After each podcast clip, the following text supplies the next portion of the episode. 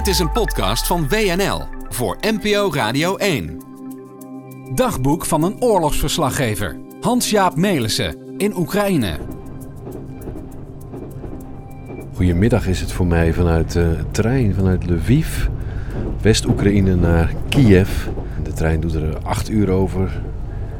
En ik ben het land binnengekomen met een auto. Het vervoer per trein is eigenlijk veel makkelijker. En hier in het westen van Oekraïne, ja, daar zie je eigenlijk weinig van de oorlog. Af en toe gaat het luchtalarm, maar eh, niet heel veel. Ik zag zelfs net op de weg buiten Lviv agenten staan eh, die de snelheid aan het controleren waren van passerende auto's. Als je dan het treinstation nadert, dan uh, is daar heel erg druk. Het was veel drukker dan toen ik hier in mei voor het laatst was.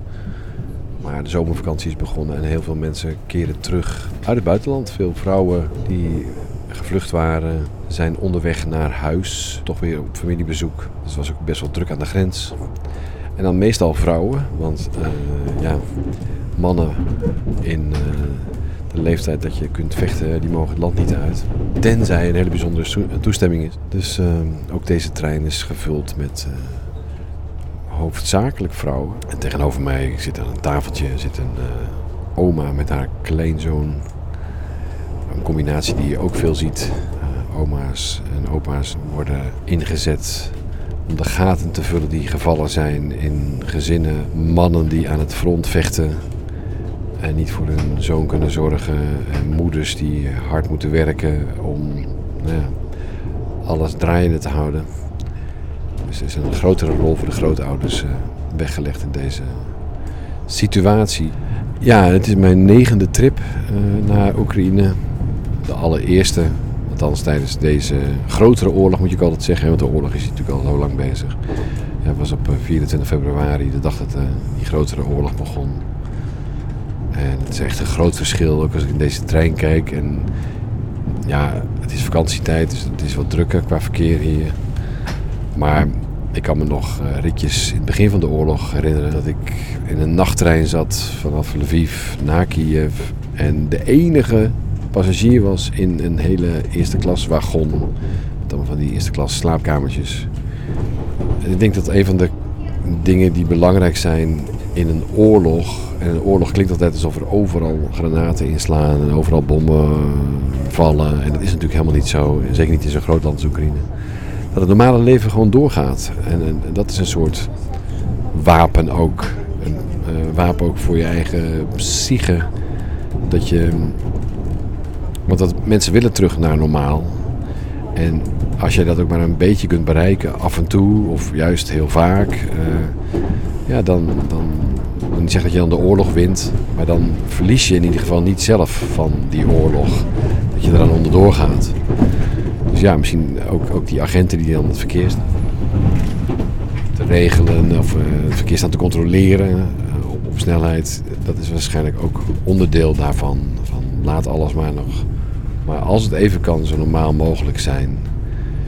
Maar het beeld van een oorlog waarbij iedereen maar onder de tafel ligt in angst op wat er komen gaat. Ja, zo'n oorlog heb ik eigenlijk nooit gezien. Behalve dan op de plekken natuurlijk waar echt concreet heen en weer geschoten wordt. En zelfs daar dan kun je twee blokken verder, huizenblokken verder zijn. Dan zitten mensen in de tuin te luisteren naar wat er gebeurt. Maar gewoon uh, te eten en te drinken met dit voorspoedige, zachte dreunen van de trein zal ik eens eventjes uh, bij gaan slapen.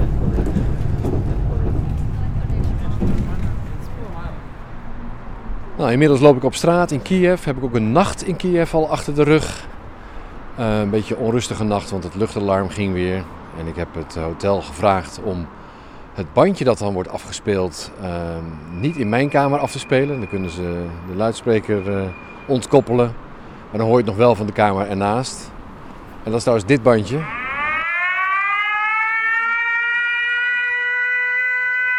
Attention. Air raid alert. Proceed to the nearest shelter. Don't be careless. Your overconfidence is your weakness. Ja, uh, een duidelijke boodschap. Uh, en als dan het luchtalarm weer voorbij is, dan heb je de volgende boodschap. Attention. The air alert is over. May the force be with you. Alleen daar zit soms uh, ja, een uur tussen bijvoorbeeld. En dan ben je weer in slaap gevallen en dan wordt je verteld dat alles veilig is. En eigenlijk zou je dus officieel naar uh, de schuilkelder moeten gaan. Ehm, maar dat doe ik niet meer. Uh, niet omdat ik overconfident ben, zoals in dat bandje te horen is. Maar uh, ja, ik ben hier aan het werk. En, en ik ben wel confident dat dit gebouw niet zo heel gauw getroffen wordt. Is meer ten westen van het centrum.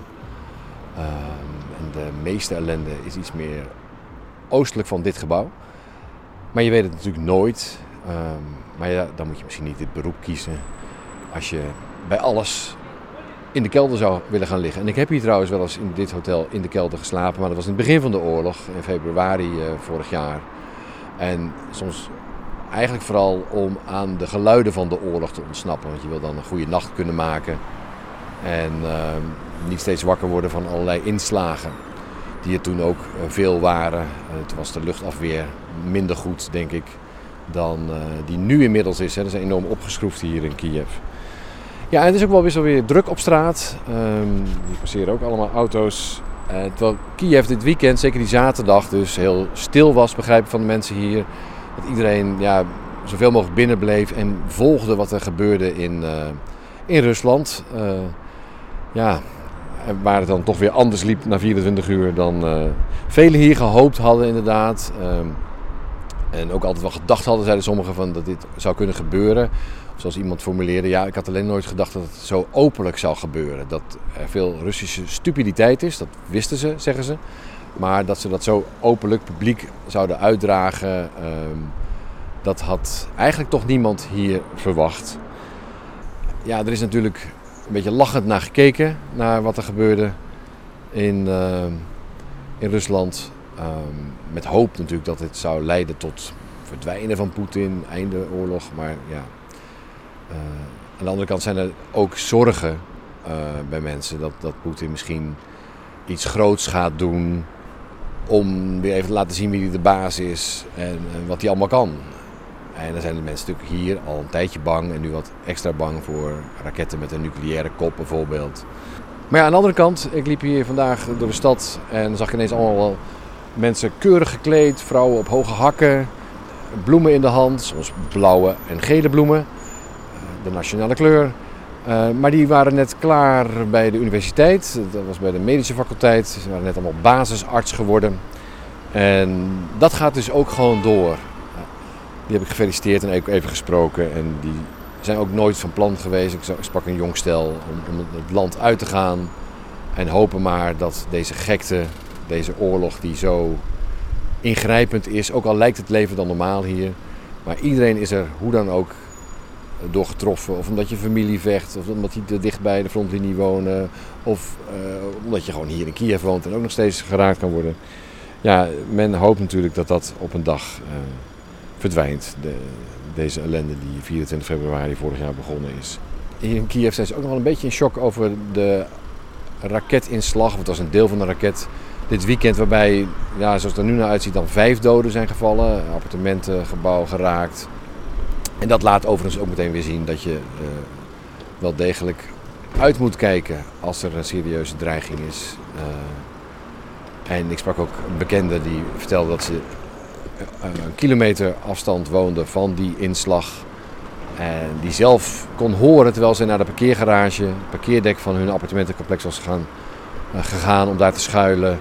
Uh, en dan voel je de dreun komen. En ik kan me heel goed voorstellen dat je dan zeker, zeker ook in het gebied waar toch vaker de raketten op gericht zijn, meer op het centrum, dat je daar uh, wel degelijk de schuilkelder in gaat. Al dan niet opgeroepen door een bandje.